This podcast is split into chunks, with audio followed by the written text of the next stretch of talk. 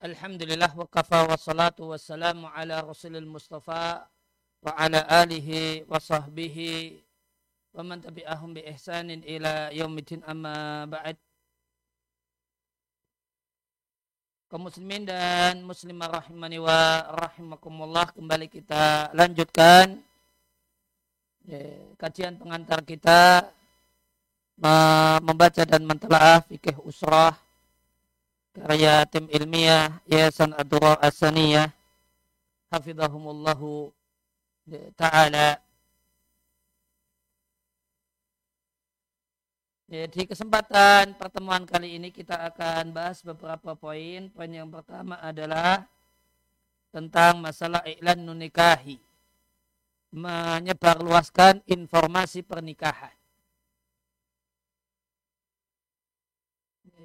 Yang dimaksud dengan iklan nunikahi adalah idharuhu ba'da tamamil aqdi. Adalah menampakkan dan menginfokan adanya pernikahan setelah akad nikah selesai dilaksanakan. Hukum menginformasikan telah terjadinya akad nikah adalah mustahab dengan sepakat empat madhab. Madhab Hanafi, Maliki, Syafi'i, dan Hanabila.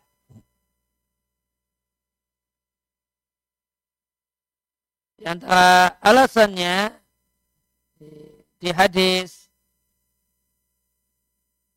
dari Ubay binti Muawid radhiallahu anha beliau mengatakan Nabi Shallallahu Alaihi Wasallam datang ke rumahku di pagi hari setelah aku menjalani malam pertama. Fajalasa ala firashi Nabi duduk di tempat tidurku ini. Sebagaimana engkau duduk denganku. Ya engkau yang dimaksudkan di sini adalah Khalid bin Dakwan. Rawi hadis ini dan sejumlah anak-anak kecil perempuan mereka menabur bana. Mereka mengenang nenek moyang mereka yang terbunuh di perang Badar. Kata qala jariyatun sampai ada seorang anak kecil perempuan yang mengatakan wa fima nabiyun ya'lamu ma fi di tengah-tengah kita ada seorang nabi yang mengetahui apa yang terjadi esok hari maka Nabi Shallallahu Alaihi Wasallam mengatakan, Takuli hakada, janganlah engkau katakan seperti itu. Wakuli ma kunti takulina. Katakanlah apa yang dulu, apa yang tadi engkau katakan. Demikian dalam hadis yang dikeluarkan oleh Al-Bukhari.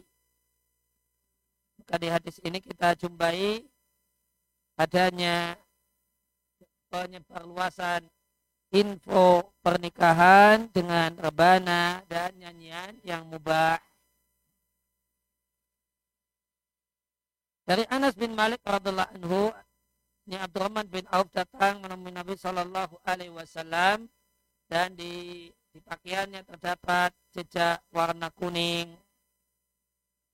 Rasulullah Shallallahu Alaihi Wasallam lantas menanyainya, Abdurrahman lantas menyampaikan pada Nabi kalau dia telah menikahi seorang wanita Ansar.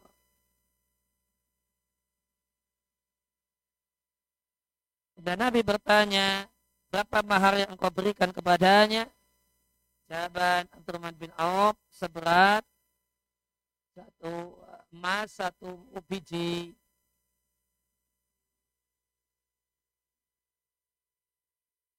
Rasulullah Shallallahu Alaihi Wasallam lantas menyampaikan Aulim balau bisyatin adakanlah walimah meskipun hanya sekedar menyembelih seekor kambing. Shallallahu Alaihi Wasallam menyampaikan kepada menyampaikan kepada Abdurrahman bin Auf adakan walimah meskipun hanya dengan seekor kambing dan hikmah pengadaan walimah adalah menyebarkan informasi pernikahan dan mengumumkannya berbagi makanan kepada orang fakir, menjalin hubungan dengan kerabat dan orang-orang yang masih punya hubungan darah. Dan rasa gembira yang terjadi pada hari itu.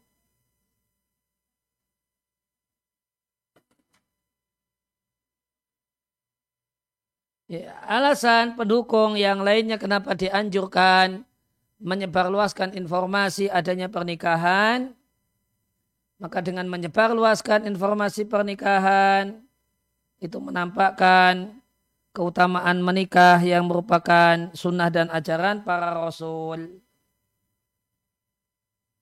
Kemudian yang lainnya dengan menginformasikan terjadinya pernikahan, maka ini membedakan pernikahan dengan perzinaan. Kemudian menginformasikan, menyebarluaskan informasi pernikahan adalah me mencegah jalan kerusakan dan kejelekan. Yang kelima, atau kemudian di antara poinnya, menyebarluaskan informasi pernikahan itu memiliki manfaat menjaga nasab atau keturunan dan hati-hati supaya orang tidak uh, mengingkari kalau telah terjadi pernikahan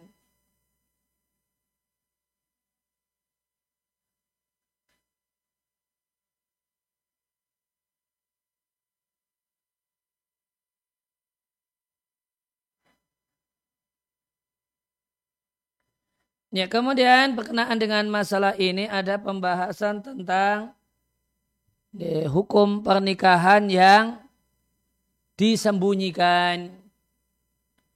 Ya, nikah siri namun siri dalam pengertian bahasa Arab bukan siri dalam pengertian yang familiar di tempat kita yaitu uh, nikah yang tidak dicatatkan di KUA.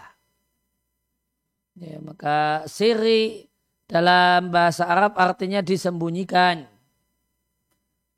Sehingga nikah sir adalah nikah yang informasinya disembunyikan dan tidak disebarkan. Di sini disampaikan tidak sah nikah siri dalam pengertian nikah yang orang-orang yang terlibat dalam akad nikah ini saling berpesan untuk menyembunyikannya. Jangan ada yang di semua pihak yang terlibat dipesani jangan ada yang berbagi info kepada yang lainnya.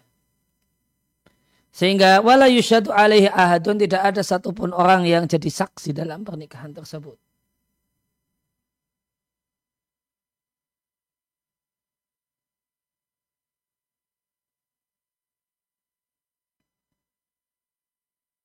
Ya, alasan tidak sahnya adalah ijma ulama. Ya, nukilan ijma disampaikan oleh banyak ulama. Ya, Ibnul Arabi Al-Maliki mengatakan misalnya nikah adalah akad yang perlu diumumkan. Perlu disebarluaskan infonya. Tidak ada perselisihan dalam hal ini wa nikahu siri mamnu'un la khilafa fihi. Sehingga nikah di mana pelakunya dan pihak yang terlibat saling berpesan jangan ada yang cerita ke siapa-siapa itu terlarang tanpa ada perselisihan tentang keterlarangannya tentang terlarangnya hal tersebut. Ibnu Rus al-Maliki ya, mengatakan ittafaqu ala anna la yajuzu nikahu sirri tidak diperbolehkan nikah yang disembunyikan.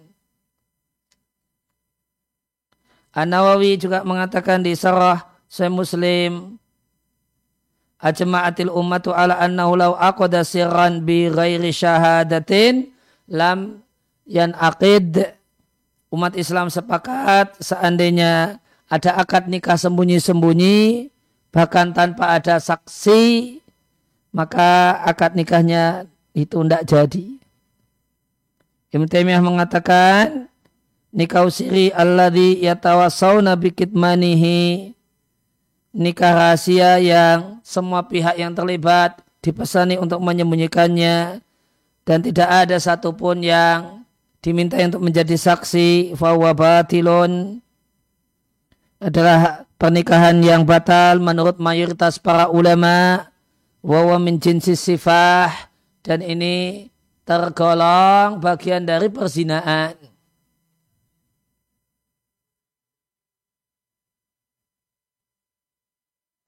Ya, maka ya, itu nikah siri yaitu nikah yang para pihak yang terlibat saling berpesan untuk menutup-menutupi ditambah yang dimaksudkan dengan nikah siri yang tidak sah adalah tidak ada satupun yang jadi saksi. Jadi cuma antara ada wali sama pengantin berarti. Itu pun udah pesan-pesan jangan cerita ke siapa-siapa.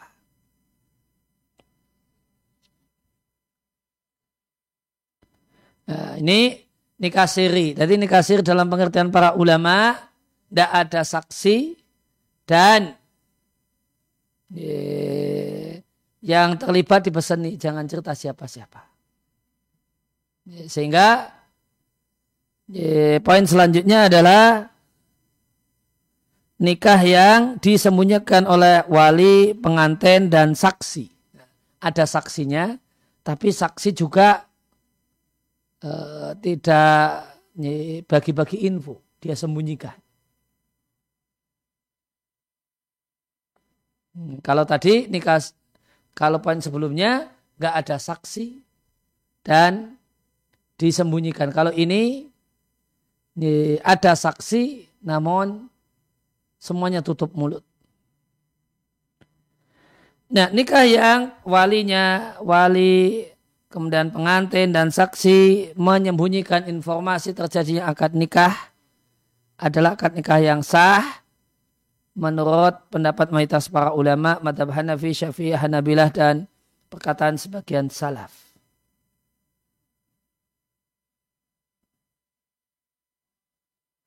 Ya, kalau Hanabilah mengatakan sah namun makruh. Ibnu Qudamah mengatakan seandainya akad nikah dengan wali dua dan dua saksi, lantas mereka menyembunyikannya, saling berwasiat untuk menjaganya, maka itu dimakruhkan. Namun akad nikahnya sah.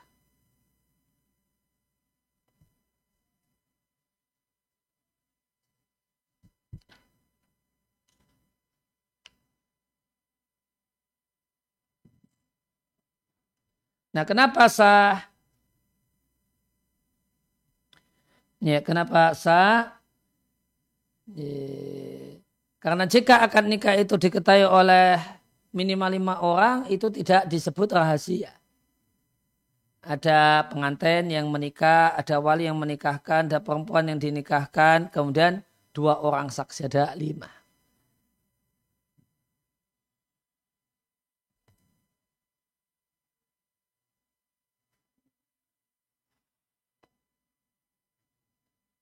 Ya, jadi nikah yang dirahasiakan itu bisa uh, dirahasiakan dalam keadaan tidak ada saksi, nah itu tidak sah. Kemudian dirahasiakan namun ada saksi sehingga ada lima orang minimal yang tahu terjadinya pernikahan tersebut maka ini menurut mayoritas para, mayoritas para ulama sah dan kata Hanabilah sah dan makruh. Ya, demikian yang ya, bisa disampaikan dalam kesempatan kali ini sebagai materi pengantar. Wassalamualaikum ala Muhammadin wa ala alihi wasallam wa akhiru da'wana alhamdulillahi rabbil alamin. Jazakallah khairan Ustaz atas penyampaian materinya pada malam hari ini. Baik Sobat Muslim, kita buka di sesi yang kedua ya Sobat Muslim yaitu sesi interaktif yang mana sobat muslim dapat mengirimkan pertanyaan terkait tema yang dibahas pada malam hari ini ataupun juga berkaitan tentang hukum keluarga dengan cara chat SMS ataupun WhatsApp di 0823 2727 5333. Sekali lagi sobat muslim dapat mengirimkan pertanyaan di 0823 2727 5333 atau sobat muslim yang tergabung di Zoom, YouTube dan juga di Facebook dapat menuliskan pertanyaan di kolom komentar. Baik Ustadz, kita bacakan pertanyaan yang masuk Ustadz. Ya, silahkan. Assalamualaikum Ustadz. Waalaikumsalam warahmatullahi. Ustadz, adakah tanda-tanda sebuah pernikahan diberkahi dan adakah tanda-tanda pernikahan tidak diberkahi Allah? Mohon jawabannya Ustadz. Ya, uh, di antara tanda keberkahan pernikahan adalah meningkatnya kuantitas dan atau kualitas ibadah dari masing-masing suami istri itu. Ya, artinya berarti semakin kompak, semakin saling mendukung ya, dalam kebaikan dan dalam ketaatan. Ya, maka istri pun uh, kualitas agamanya semakin meningkat, suami pun juga semakin meningkat, ya, uh, rajin semangatnya ke masjid meningkat, dan hal-hal positif yang lainnya meningkat. Itu di antara indikatornya. Nah,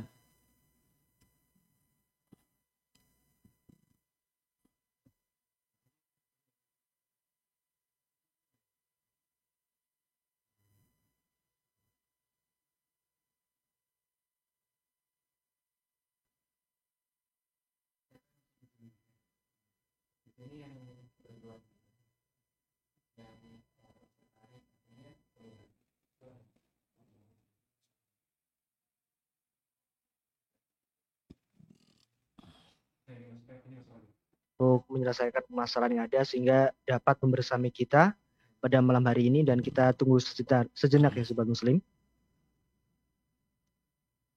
Cek cek, uh, terdengar suara saya. Suaranya sudah masuk Ustadz. Ya, tadi jawabannya sudah uh, terdengar enggak tadi? Sepertinya belum semua Ustadz. Ya, intinya uh, di antara tanda pokok keberkahan pernikahan adalah meningkatnya kualitas dan atau kuantitas uh, agama dari suami istri tersebut. Maka istri semakin bagus kualitas agamanya dan suami juga semakin bagus kualitas agamanya, semakin rajin ke masjid, semakin rajin ibadah dan dan seterusnya. Nah. Terima kasih Ustadz atas jawabannya. Kemudian kita bacakan pertanyaan berikutnya Ustadz. Eh, juga berkaitan tentang uh, pertanyaan yang pertama. Dan apabila pernikahan dirasa tidak diberkahi, apakah ada usaha-usaha agar pernikahan diberkahi oleh Allah Ustadz? Mohon jawabannya. Ya bisa di, diupayakan dan diperbaiki dan dan itu adalah uh, semestinya yang menjadi semangat suami istri Cek cek suara saya masuk mas. Suaranya masuk Ustadz. Oh ya. Ya dan itulah yang semestinya menjadi semangat suami istri yaitu terus menerus memperbaiki. Ya terus menerus uh, memperbaiki kualitas keluarga yang dibangun. Ya, dan kata kuncinya adalah uh, komunikasi yang baik antara suami istri dan keinginan untuk senantiasa belajar dan belajar. Nah. Terima kasih Ustadz atas jawabannya. Kembali lagi kami ingatkan Sobat Muslim. Bahwasanya kita sudah berada di sesi interaktif ya Sobat Muslim. Yang mana Sobat Muslim dapat mengirimkan pertanyaan terkait tema yang dibahas pada malam hari ini ataupun juga berkaitan tentang hukum keluarga dengan cara chat SMS ataupun WhatsApp di 0823 2727 5333 atau sobat muslim yang tergabung di via Zoom, YouTube dan juga Facebook dapat menuliskan pertanyaan di kolom komentar. Baik Ustadz kita bacakan pertanyaan dari Zoom Ustadz. Bismillah, Ustadz minta nasihatnya untuk kami yang baru menikah beberapa bulan namun belum juga diamanahkan anak oleh Allah Subhanahu wa taala. Syukran jazakallahu khairan Ustaz. yang, uh, yang pertama adalah uh, senantiasa berbaik sangka kepada Allah. Anak ingda dhani abdi bi fal yudhanni bi abdi masya'a. aku itu mengikuti sangkaan hambaku, maka hendaknya silakan hambaku memberikan persangkaan kepadaku apa saja yang dia inginkan. Kemudian yang kedua, punya anak dan tidak ini bagian dari hal yang bersifat duniawi. Dan Nabi Shallallahu Alaihi Wasallam menyampaikan dalam masalah dunia, Ungdur ilaman asfalamikum walatang duru ilaman faukokum. Lihatlah kepada orang yang ada di bawahmu dan bukan orang yang ada di atasmu. Fa'inau ajdaru alla tasdaru nikmatallahi alaikum. Maka dengan demikian uh, lebih layak untuk uh, tidak menganggap remeh kecil dan sedikit nikmat Allah, nikmat yang Allah berikan kepada kalian. Ya, maka supaya kita menyadari nikmat Allah yang Allah berikan itu demikian uh, banyak dan berlimpah, maka lihatlah orang-orang yang lebih susah dalam masalah ini.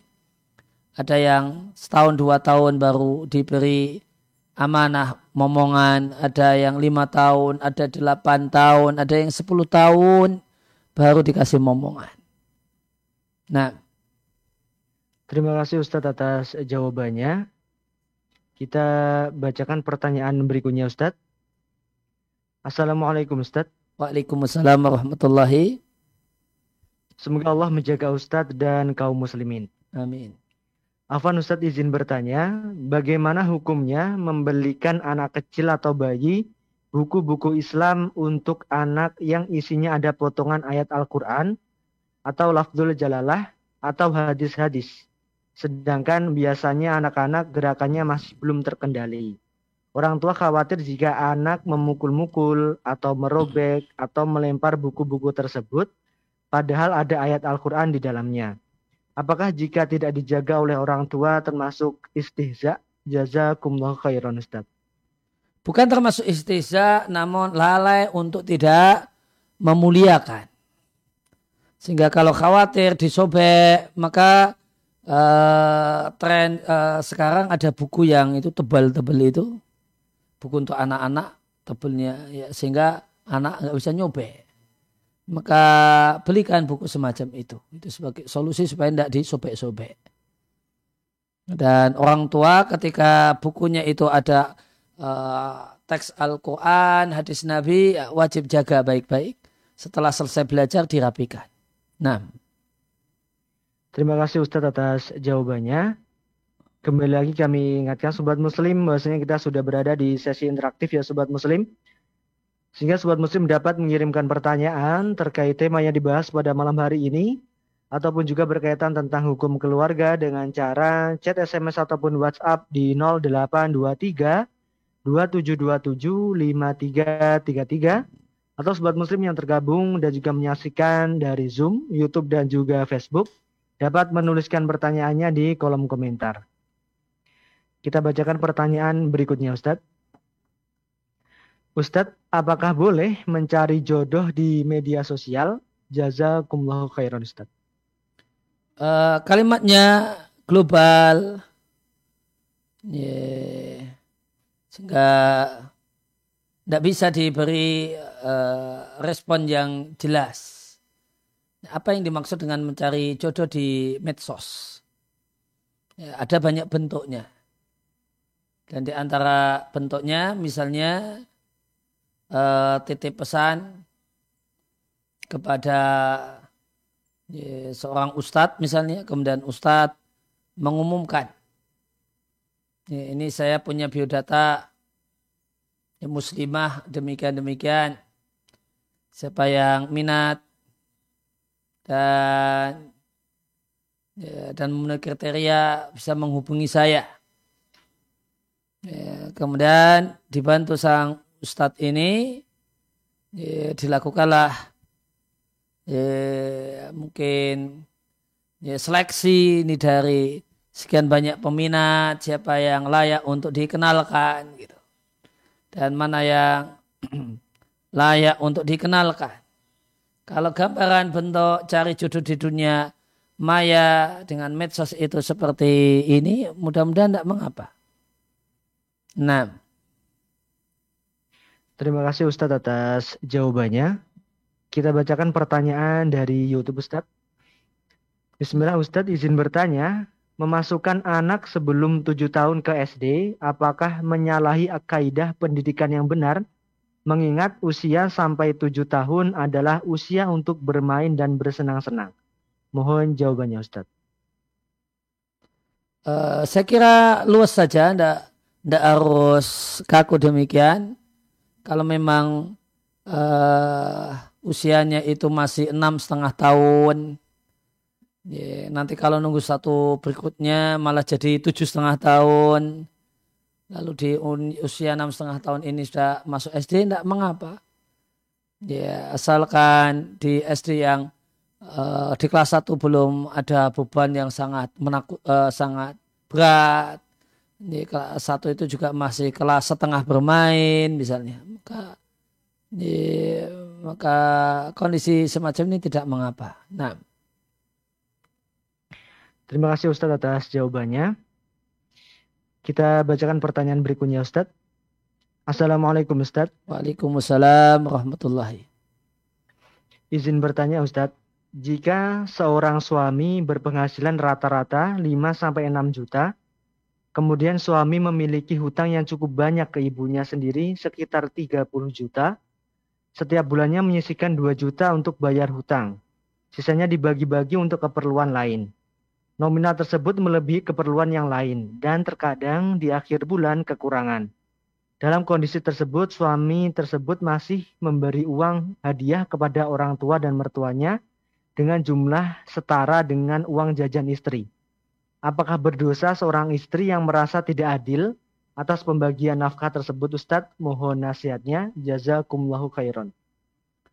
Uh, kata kuncinya kebutuhan nafkah, kebutuhan reguler keluarga, listrik, air minum, air ya, air secara umum dan makan ya, terpenuhi ataukah belum? Kalau sudah, setelah itu tadi disampaikan ada uang jajan untuk istri, ada uang jajan untuk keluarga, uh, untuk orang tua suami dan mertua suami, maka ini tidak mengapa.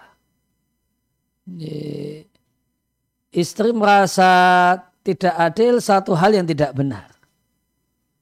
Yang dilakukan suami ye, satu hal yang bagus. Bahkan saya katakan seandainya nafkah sudah terpenuhi, kebutuhan reguler keluarga sudah terpenuhi, istri tidak dikasih uang jajan, kemudian suami malah ngasih ke ayah dan ibunya, kemudian ayah dan ibu istri, ini satu hal yang bagus. Tidak ada kezaliman pada istri. Nah.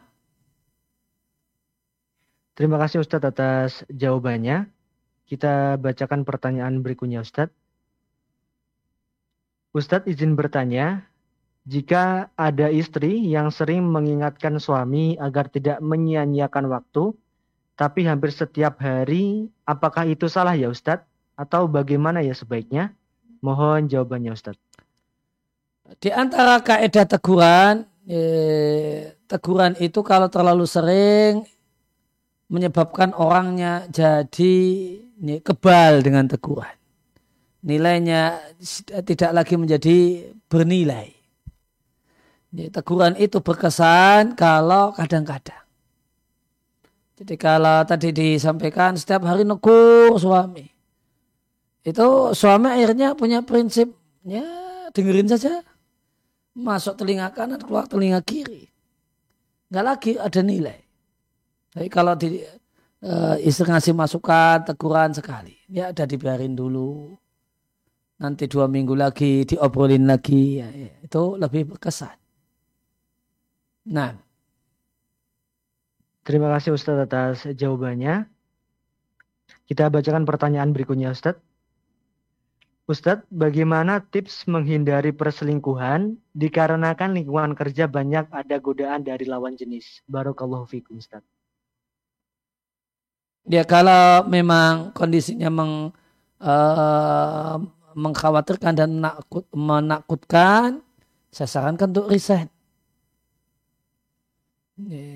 cari pekerjaan yang lain yang lebih kondusif, boleh gaji lebih kecil, namun insya Allah rezeki, lebih berkah karena eh, tempat kerjanya tidak ikhtilat, tidak campur baru lagi perempuan dan sehingga lebih minim godaan lawan jenis. Insya Allah gaji di tempat kerja semacam ini jauh lebih berkah. Nah. Terima kasih Ustadz atas jawabannya. Kembali lagi kami ingatkan pada sobat muslim sekalian bahwasanya kita sudah berada di sesi interaktif ya sobat muslim. Sehingga sobat muslim yang ada pertanyaan terkait tema yang dibahas pada malam hari ini ataupun juga berkaitan tentang hukum keluarga dapat bertanya lewat chat SMS ataupun WhatsApp di 0823 2727 5333 atau sobat muslim yang tergabung via Zoom, YouTube dan juga di Facebook dapat menuliskan pertanyaannya di kolom komentar. Baik Ustadz, kita bacakan pertanyaan berikutnya. Assalamualaikum Ustadz. Waalaikumsalam warahmatullahi. Ustadz izin bertanya, apa hukumnya istri minta cerai tanpa alasan syar'i? Tapi tuntutan istri dan keluarga istri dikabulkan oleh pengadilan agama. Mohon jawabannya Ustadz. Ya, jika tidak ada alasan kuat, hukumnya haram, dosa besar. Nabi ancam dengan uh, ya, haram baginya mencoba surga. Dan ketika ada ancaman uh, tidak masuk surga sebagaimana dalam dalam hal ini, maka itu menunjukkan kalau itu dosa besar. Nah. Terima kasih Ustadz atas jawabannya. Kita bacakan pertanyaan berikutnya Ustadz. Assalamualaikum Ustadz. Waalaikumsalam warahmatullahi. Ustadz, jika seorang ditunjuk menjadi saksi untuk nikah oleh seseorang, namun dia selaku saksi tahu bahwa pernikahannya belum dapat izin dari bapaknya. Apakah seorang saksi itu akan bertanggung jawab atas pernikahan tersebut, Ustadz? Mohon jawabannya. Uh, maka perlu ditanyakan uh, yang tidak mendapatkan restu bapak itu bapaknya siapa? Bapaknya siapa itu mas? Si bapaknya laki-laki Ustaz. Ya, kalau yang dimaksudkan adalah bapaknya laki-laki tidak mengapa. Ya, tidak ada keharusan uh, ya, harus uh, dapatkan restu untuk pengantin laki-laki tidak ada keharusan dan persyaratan harus dapat restu dari orang tuanya. Nah, apakah saksi ini akan ya, akan diminta pertanggungjawaban tentang hal-hal semacam ini? Iya, tentu iya. Dia jadi saksi untuk uh, dilibatkan dalam pertanggungjawaban dan ikut bertanggung jawab jika ada pihak-pihak yang ingin uh, mengkonfirmasi bagaimanakah duduk perkara sebenarnya. Nah, Terima kasih Ustadz atas jawabannya. Kita bacakan pertanyaan berikutnya Ustadz. Ustadz, mohon penjelasannya mengenai wanita yang hamil tidak boleh dinikahi. Tetapi bila dinikahkan, bagaimana statusnya ya Ustadz? Apa perlu dinikahkan ulang? Jazakumullah khairan Ustadz. Ya, jika di, uh, dinikahkan, maka ulama berselisih pendapat tentang keabsahannya. Eh, sehingga yang terbaik Eh, seandainya itu sudah terlanjur dinikahkan, tidak dikumpuli sampai melahirkan, setelah itu akad nikah ulang. Dan akad nikah ulang setelah melahirkan itulah yang uh, di, eh, di, diniatkan sebagai uh, nikah yang uh, akad nikah yang semestinya. Nah, terima kasih Ustadz atas jawabannya. Kita bacakan pertanyaan berikutnya Ustadz. Assalamualaikum Ustaz. Waalaikum. Ustadz izin bertanya, bagaimana cara mendidik istri yang kadang sifatnya keras? Memang wanita itu bengkok, namun terkadang ada ucapan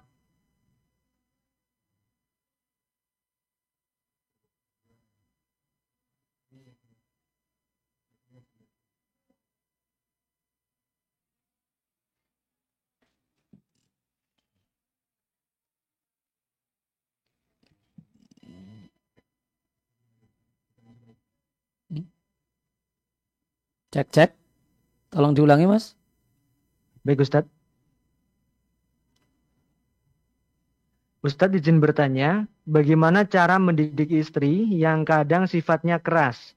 Memang wanita itu bengkok, namun terkadang ada ucapan kasar menyebut binatang ke suami. Padahal cuma membahas tentang kerjaan dan istri kadang egois. Menurut Ustadz, solusi menghadapi hal demikian bagaimana ya Ustadz? Mohon nasihatnya. Kebetulan kami jauh-jauhan karena pekerjaan. Barakallahu fikum. Ya, uh, di antara sebab keributan adalah LDR. Ya, dan namun jika memang betul uh, istri sampai mengeluarkan cacian dengan menyebut binatang berkaki empat, maka ini sudah tidak ampun semestinya. Ya, uh, sudah sangat-sangat keterlaluan. Kalau saran saya sebagai laki-laki, jika memang betul demikian uh, uh, etika komunikasi si perempuan ceraikan saja pak. Ceraikan saja mas. Dunia tak selebar daun kelor. Tidak hanya wanita, wanita bukan hanya dia jika demikian karena ini sudah sangat-sangat ini uh, suami yang Nabi katakan itu selayaknya seorang istri menghormati sampai sujud hormat kepada suaminya dikata-katain dengan kata-kata demikian ini sudah sangat-sangat keterlaluan. Semestinya sudah untuk lelaki yang yang betul-betul laki-laki sudah tidak ada ampun semacam ini. Ya, jadi saran saya sebagai sesama laki-laki dan dengan syarat ya, jika benar demikian yang terjadi ya, ya, berpisah itu lebih baik. Tidak mesti uh, mempertahankan rumah tangga itu yang lebih baik. Nah. Terima kasih Ustadz atas nasihatnya. Kita bacakan pertanyaan berikutnya Ustadz Assalamualaikum Ustadz Waalaikumsalam warahmatullahi. Semoga Allah melimpahkan keberkahan kepada Ustadz, keluarga, serta kaum muslimin. Amin. Izin bertanya Ustadz, jika usia wanita semakin bertambah tua, namun belum ditakdirkan untuk menikah, apakah ada kiat-kiat atau amalan agar bisa memperoleh keutamaan yang sama dengan orang yang menikah Ustadz? Jazakumullahu khairan.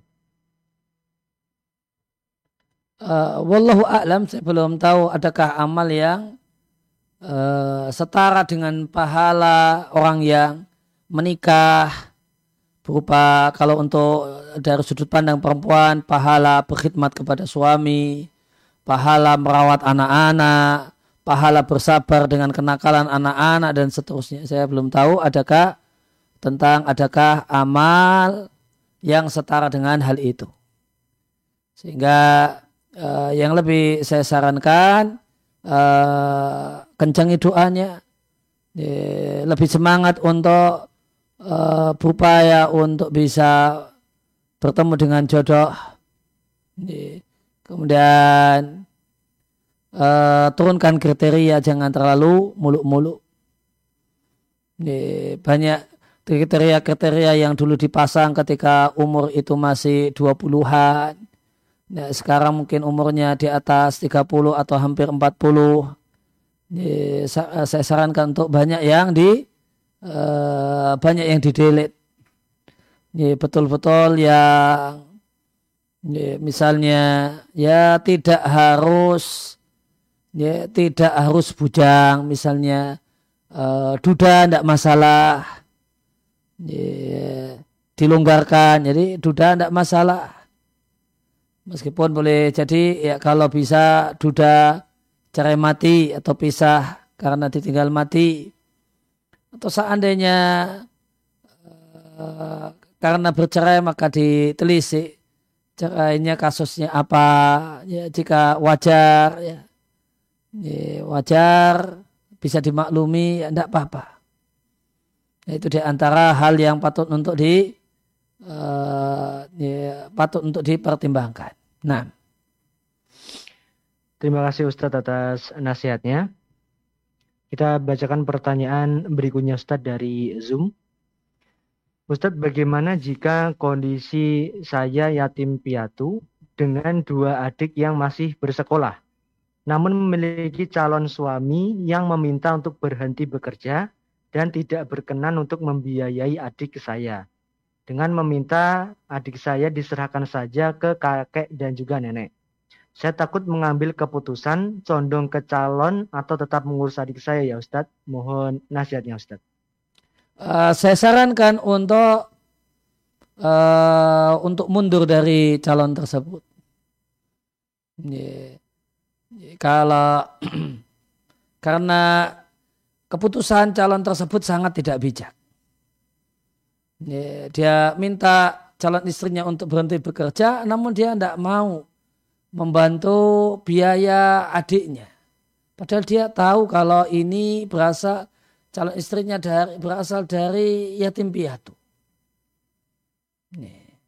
Dan saya sarankan jika memang kondisinya demikian, eh, menikah dengan laki-laki yang mau dan bersedia menerima perjanjian pernikahan, yaitu eh, dengan klausul saya dinikahi dengan syarat saya diizinkan untuk tetap bekerja dalam rangka membiayai adik-adik saya cari calon suami yang mau dengan klausul ini. Itu yang saya sarankan. Nah. Terima kasih Ustadz atas sarannya. Semoga dapat dipahami oleh penanya. Kita lanjutkan ke pertanyaan berikutnya Ustadz. Assalamualaikum Ustadz. Waalaikumsalam warahmatullahi Ustadz, bila suami istri sedang berdiskusi, tetapi anak-anak usia di bawah tujuh tahun berisik, dan tak ada tempat lain bagi anak tersebut untuk dipindahkan, maka apa yang harus dilakukan Ustadz? Mohon nasihatnya. Saya nasihatkan untuk menunda diskusi sampai uh, suasana kondusif. Ya, ya utamakan anak-anak, ya utamakan anak-anak dan jadi belajarlah jadi orang tua yang baik dan di antara karakter orang tua yang baik ini mengutamakan anak-anak. Anak-anak lagi eh, berisik, lagi senang main, ya temani dulu main. Sampai mereka puas main, kemudian bisa ditidurkan, nah, ditidurkan. Setelah itu barulah suami istri ini menyelesaikan apa yang ingin diselesaikan. Nah, Terima kasih Ustadz atas jawabannya. Kembali lagi kami ingatkan Sobat Muslim bahwasanya kita uh, masih di sesi interaktif ya Sobat Muslim. Sehingga Sobat Muslim dapat mengirimkan pertanyaan terkait tema yang dibahas pada malam hari ini. Ataupun juga berkaitan tentang hukum keluarga dengan cara chat, SMS, ataupun WhatsApp di 0823 2727 5333 atau sobat muslim yang menyaksikan lewat Zoom, YouTube dan juga di Facebook dapat menuliskan pertanyaannya di kolom komentar. Kita bacakan pertanyaan berikutnya Ustadz. Ustadz izin bertanya, tadi sore saya pergi dengan teman saya. Dia cerita kalau ternyata masih suka makan berdua dengan teman laki-laki dengan alasan teman dekat. Saya bingung harus menasihati dari mana dan apa salah dan apa salah saya berteman dengannya Ustadz. Mohon nasihatnya Ustadz. Uh, ya. Uh, gambaran uh, yang saya tangkap kurang utuh.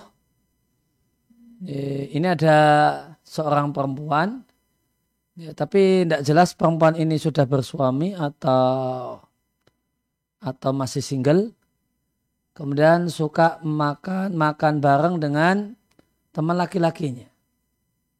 Yang saya tangkap ya, yang saya tangkap ini seorang perempuan bersuami. Namun meskipun sudah bersuami, dia suka makan berdua dengan teman laki-lakinya yang dia katakan teman dekat. Semestinya uh, kawan ini jika ya, jika benar apa yang saya tangkap harusnya dia marah besar kepada temannya tadi. Tega sekali kamu sudah punya suami, enggak, uh, masih punya menjalin hubungan dekat dengan ini sampai makan bareng, pergi ke misalnya uh, ke restoran bareng untuk sekedar makan berdua. Di mana cintamu dengan suamimu dan seterusnya. Ini jika ini yang saya tangkap demikian, maka seharusnya marah. Dan ketika karena dan ini satu hal yang sewajarnya. Nah, kemudian ketika marah si teman tersebut tersinggung akhirnya menjauh, ya tidak apa-apa. Ya, ini satu hal yang tidak mengapa. Apakah itu putus hubungan? Tidak, tidak.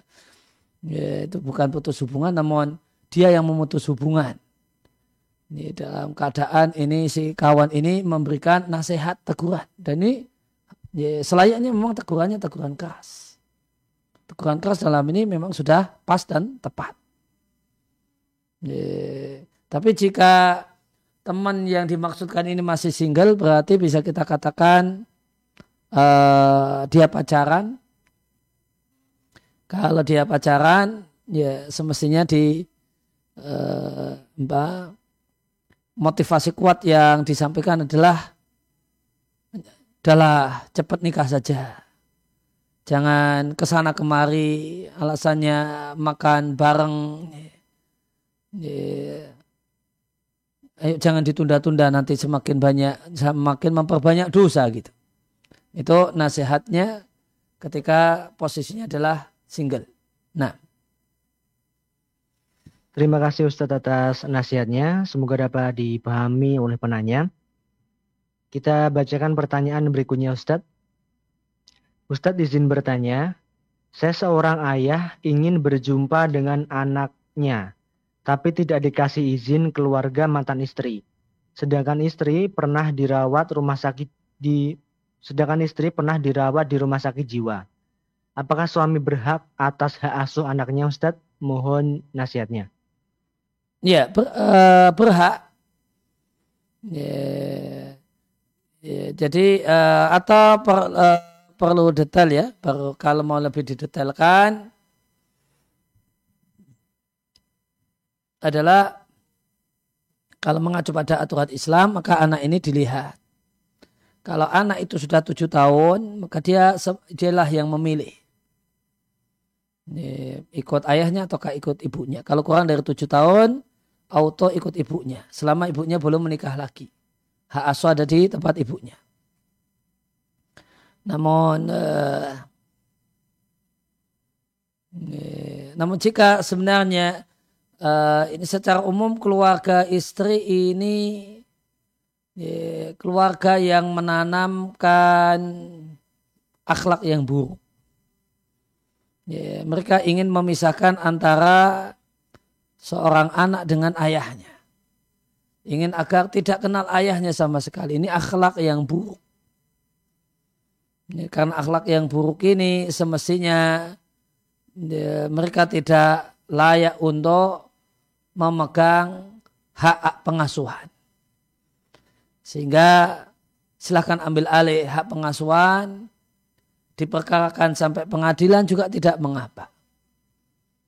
Ya, karena sekarang anak ini bersama orang yang sangat jelek akhlaknya ingin agar anak terpisah dari ayahnya dan tidak kenal ayahnya. Ini akhlak yang sangat buruk. Nah. Terima kasih Ustadz atas jawabannya. Kita bacakan pertanyaan berikutnya Ustadz. Ustadz, izin bertanya, siapa saja yang berhak diajak ketika proses lamaran Ustadz? Mohon jawabannya Ustadz. Ya, kembali kepada budaya silakan ikuti budaya masyarakat setempat. Nah. Terima kasih Ustadz atas jawabannya. Kita bacakan pertanyaan berikutnya Ustadz. Ustadz, apa sajakah yang menjadikan seseorang minder untuk menikah? Dan apa sajakah cara mengatasi hal-hal yang membuat minder tersebut Ustadz? Mohon nasihatnya Ustadz. Uh, saya nasihatkan untuk konsultasi kepada psikolog muslim. Ya, untuk bisa digali lebih lanjut minder untuk menikah itu apa sebabnya dan uh, terapi apa yang bisa disarankan dari sisi ilmu kejiwaan. Ini, ini uh, yang praktis uh, res, uh, jawaban yang praktis adalah demikian. Ini, ya kalau jawaban uh, jawaban seorang ustadz ya akan akan mengatakan bahasanya ya untuk apa minder? Ini, semua manusia itu setara. Ini, semuanya itu uh, penilaian yang paling mulia tolak ukurnya adalah putus lagi. Hah? Hmm. Eh, masuk lagi udah mau habis.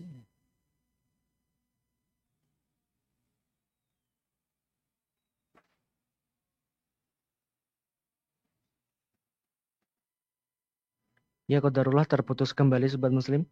Eh, cek, cek. Tadi jawaban apa yang terdengar dari saya?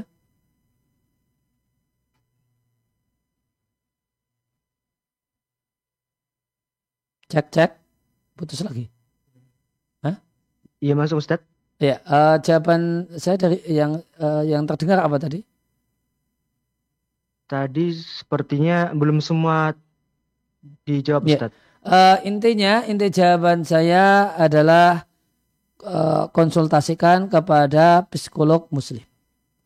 Untuk digali lebih lanjut apa sebab mindernya dan uh, tawaran apa yang bisa diberikan dari sisi ilmu kejiwaan. Dan lebih baik lagi jika psikolog tersebut ya sudah ngaji, artinya kualitas agamanya bagus sehingga uh, jawabannya bukanlah jawaban uh, murni psikologi sekuler, namun sudah mempertimbangkan sejumlah ajaran-ajaran uh, Islam terkait dengan hal ini. Nah. Terima kasih Ustadz atas jawabannya. Kita bacakan pertanyaan berikutnya Ustadz. Ustadz dalam memilih pasangan juga didasarkan pada agamanya. Adakah penjelasan rinci terkait kriteria agama tersebut Ustadz? Mohon nasihatnya. E, faktor semestinya jadi faktor pertimbangan utama adalah kualitas agama. Dan yang dimaksud dengan kualitas agama adalah agama dan akhlak. Ya, akhlak ya, di sini mencakup adab, ya tutur kata, ya, kemudian sikap ketika emosi dan marah, ya, sikap ketika suasana itu tegang dan tergesa-gesa, gimana sikap kepada orang tua dan mertua. Ya, kemudian baiknya agama, satu hal yang menjadi sumber kebaikan agama adalah ilmu. Maka kebaikan agama itu melihat dan mempertimbangkan ilmu. Dan ilmu di sini adalah semangat belajar. Dan yang dimaksud semangat belajar adalah semangat belajar yang tulus yaitu belajar untuk diamalkan. Dan didukung dengan kualitas ibadah dicek sholat subuhnya sering kesiangan ataukah tidak dicek tentang uh, semangat atau dipastikan tentang semangat untuk melakukan ibadah-ibadah sunnah. Demikian juga jika ini laki-laki dicek ya, pengetahuannya tentang fikih pernikahan uh, atau secara fikih pernikahan, kemudian fikih jual beli, fikih karyawan supaya dia bisa pulang membawa supaya beliau ini bisa pulang membawa nafkah yang halal. Ngerti jual beli, ngerti bisnis. Kalau dia statusnya karyawan, ngerti dia fikir karyawan sehingga menjadi karyawan yang bijak, eh, karyawan yang baik, tahu halal haram di dunia karyawan dan pekerjaan. Itu sisi-sisi uh, agama yang patut untuk di, uh, dijadikan sebagai bahan pertimbangan. Nah. Terima kasih Ustadz atas jawabannya.